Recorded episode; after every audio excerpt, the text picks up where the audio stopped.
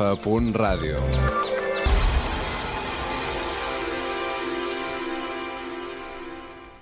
Bon dia, som el Narcís Figueres Hola. i la Valentina Rafio des dels estudis de UPF Ràdio. Sí, senyora. Avui estem a punt per aprendre i fins i tot per posar-nos una miqueta seriosos. Ara mateix comencem.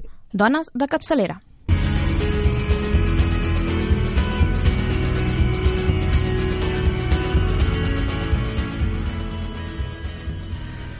Article 2.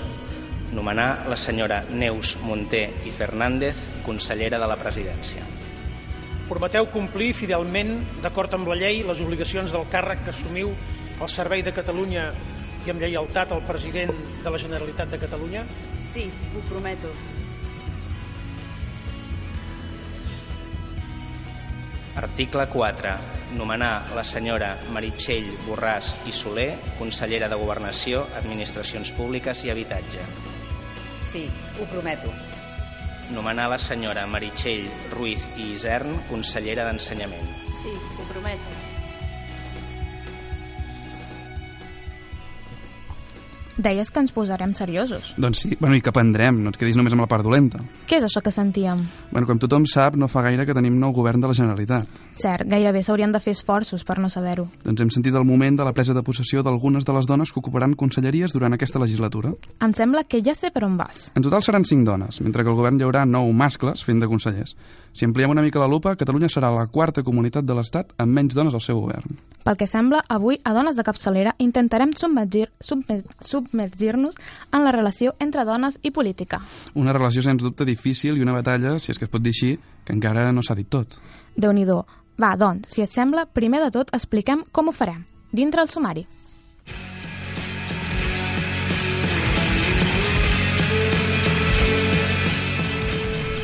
Primer de tot farem servir el baròmetre més democràtic del món.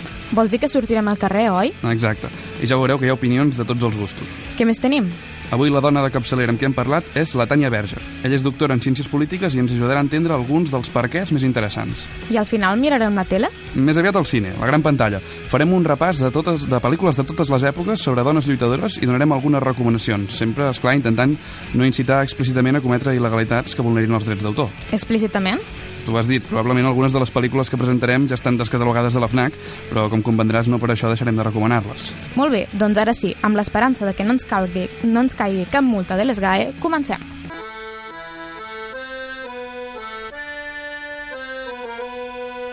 Sents a dins teu una veu que sospira Les quotes per aconseguir la paritat. Parla Ah, no, a mi em sembla una tonteria, això. la ira No sabe, no contesta. Plou amb força i et cau Ah, Feminista de merda, no, tio? No ho farà ningú Primera lliçó Abans es, es valora el que, el, com vesteixen les dones o amb qui es mouen, que no el que diuen, i amb els homes no es fa. Això, trobo que les quotes és una bona manera de, de començar, que s'haurien d'acabar suprimint al final, però fins quan fins que no hi hagués una estabilitat de més o menys 50-50. teua veu No serveixes a cap home ni Déu Quan caiga la nit sobre els camps Ui, ui, ui, quotes sí, quotes no. Em penso que no ens posem pas d'acord. No et pensis, eh? No és tan fàcil. Tu què respondries? Ja hi ha igualtat? Són bones les quotes? Potser faria falta posar-nos en antecedents.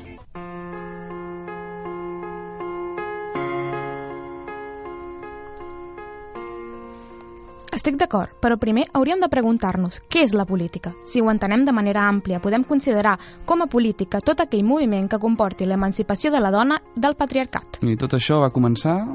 Doncs és, ben, eh, doncs és ben fàcil. Principalment hem de tenir en compte dues onades. A veure, il·lustra'm. La primera, sufragista, demanava l'accés de les dones a un dret tan bàsic com el vot. En segon lloc, tenim una onada posterior on es reivindica l'accés real de les dones en el món de la política. ¡Fuero En pie! Mujeres, defended la vida de vuestros hijos, defended la libertad de vuestros hombres. Todos los sacrificios imaginables antes que consentir que triunfen las fuerzas que representan un pasado de opresión, un pasado de tiranía.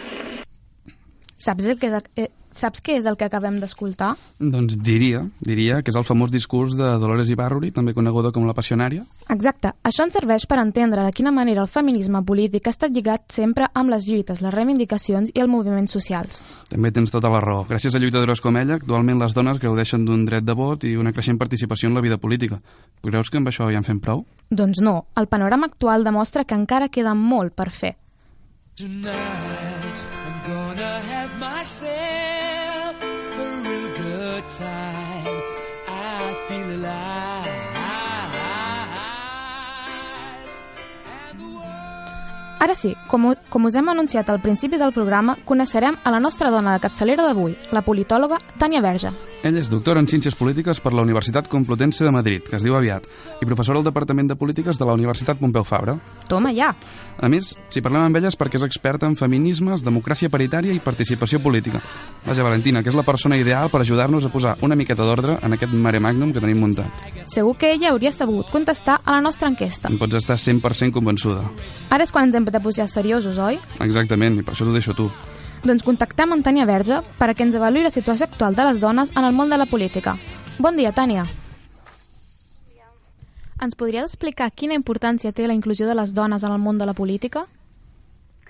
Doncs en té molta. Bàsicament el que fa és normalitzar que, que l'esfera pública ha de ser una esfera on participin homes i dones en igualtat. Tradicionalment, eh, degut a la socialització en rols de gènere i la divisió sexual del treball, diguéssim, s'ha establert que són els homes els que participen en l'esfera pública i, els, les dones tenen un espai per excel·lència que és l'àmbit privat, no? Eh, he fet una confirmació històrica molt fàcil, no? Podem veure eh, la trajectòria o l'evolució de les institucions a nivell de representació de dones, no? Resulta fonamental que les dones tinguin referents en la política.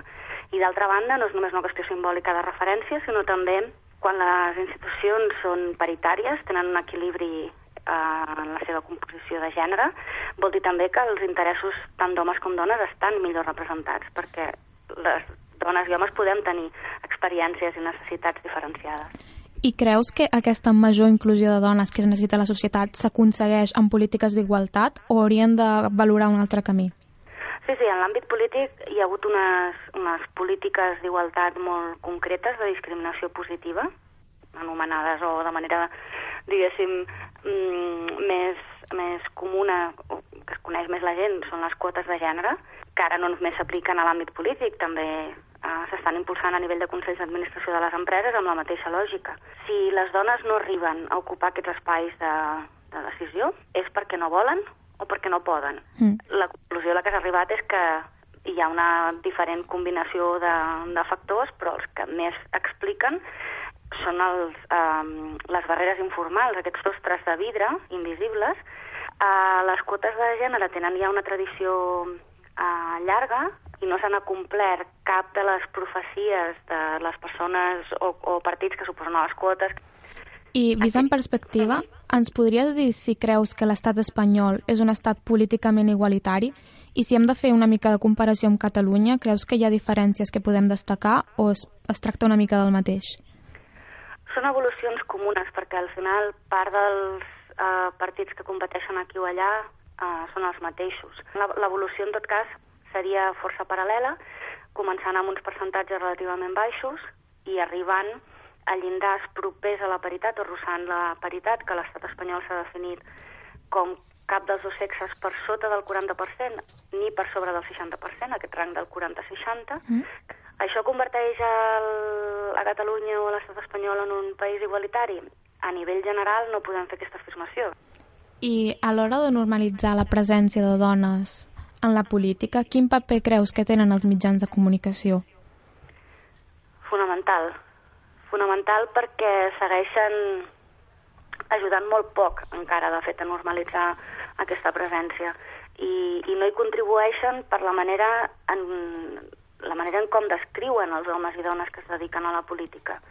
Dels homes s'acostumen a enfatitzar les seves accions, la seva tasca governamental, fins i tot el llenguatge, utilitzar verbs que demostren proactivitat, assertivitat, etc. En el cas de les dones, moltes vegades el focus és en el seu vestuari, en el seu pentinat, um, si són guapes o no.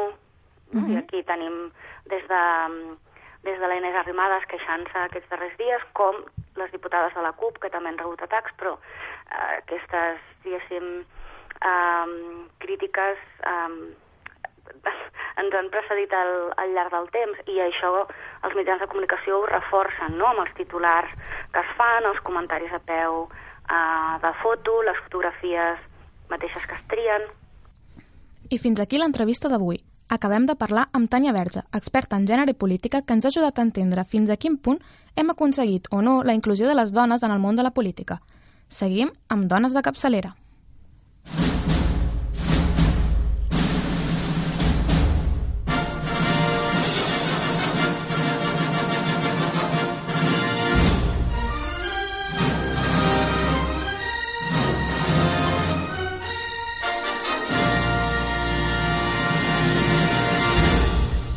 Fi, el moment meu preferit del programa. Ara toca repassar els èxits de cartellera que ens il·lustren la lluita del moviment feminista per entrar en el món de la política. He obeït els homes. Ets una esposa, la meva esposa. És el paper que et correspon. No ho puc suportar més. No subestimeu mai el poder que tenim les dones per decidir el nostre destí. No ens han deixat cap alternativa. Desafiem aquest govern. Dret a vot per les dones! Hem escoltat un fragment de Sufragistes, la nova pel·lícula de la directora Sarah Gravon, amb la, partició, a la participació de Meryl Streep i Helena Bonham Carter. És una típica pel·lícula ambientada a Anglaterra. Carrers estrets, foscos, bruts, freds, humits, i amb aquell baf per tot arreu, estil Els Miserables. A més, hem de resoldre un petit malentès, oi? Sí, tot i que el títol original en anglès, sufraget, s'ha traduït en català com a sufragistes, malament. De fet, les sufragetes van ser un grup que es va ascendir del moviment sufragista original representat per la Unió Nacional de Societats de Sufragi Femení i van fundar, amb molta atenció al matís, la Unió Social i Política de les Dones. Res a veure. Res a veure i és sobre aquesta última que tracta la pel·lícula. Ai, carai, anem per la segona. Estás enorme.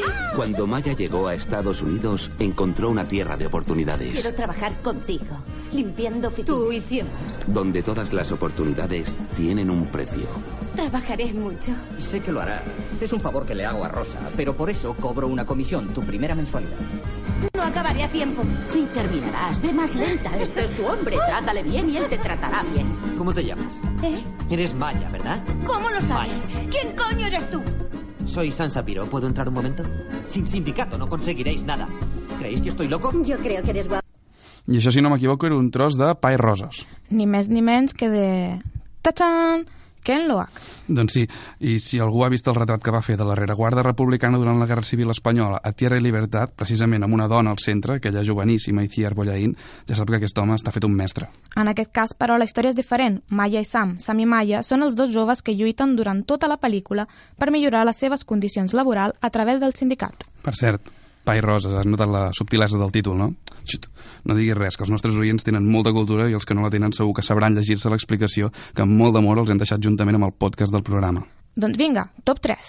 Soc dona, soc feminista perquè visc en un món masclista i mentre visc en un món masclista he de ser fem feminista. És que si no vaig en contra meva.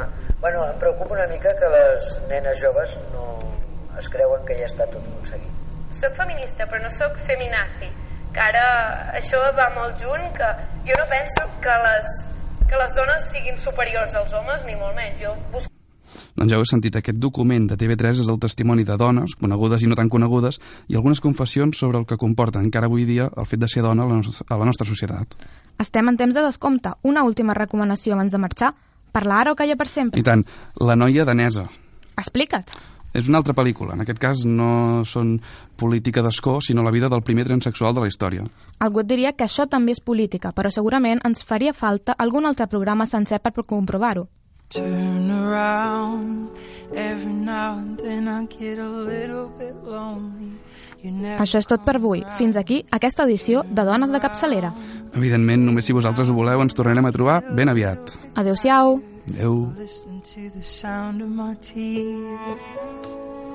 Every now and then I get a little bit nervous. The best of all the years have gone by.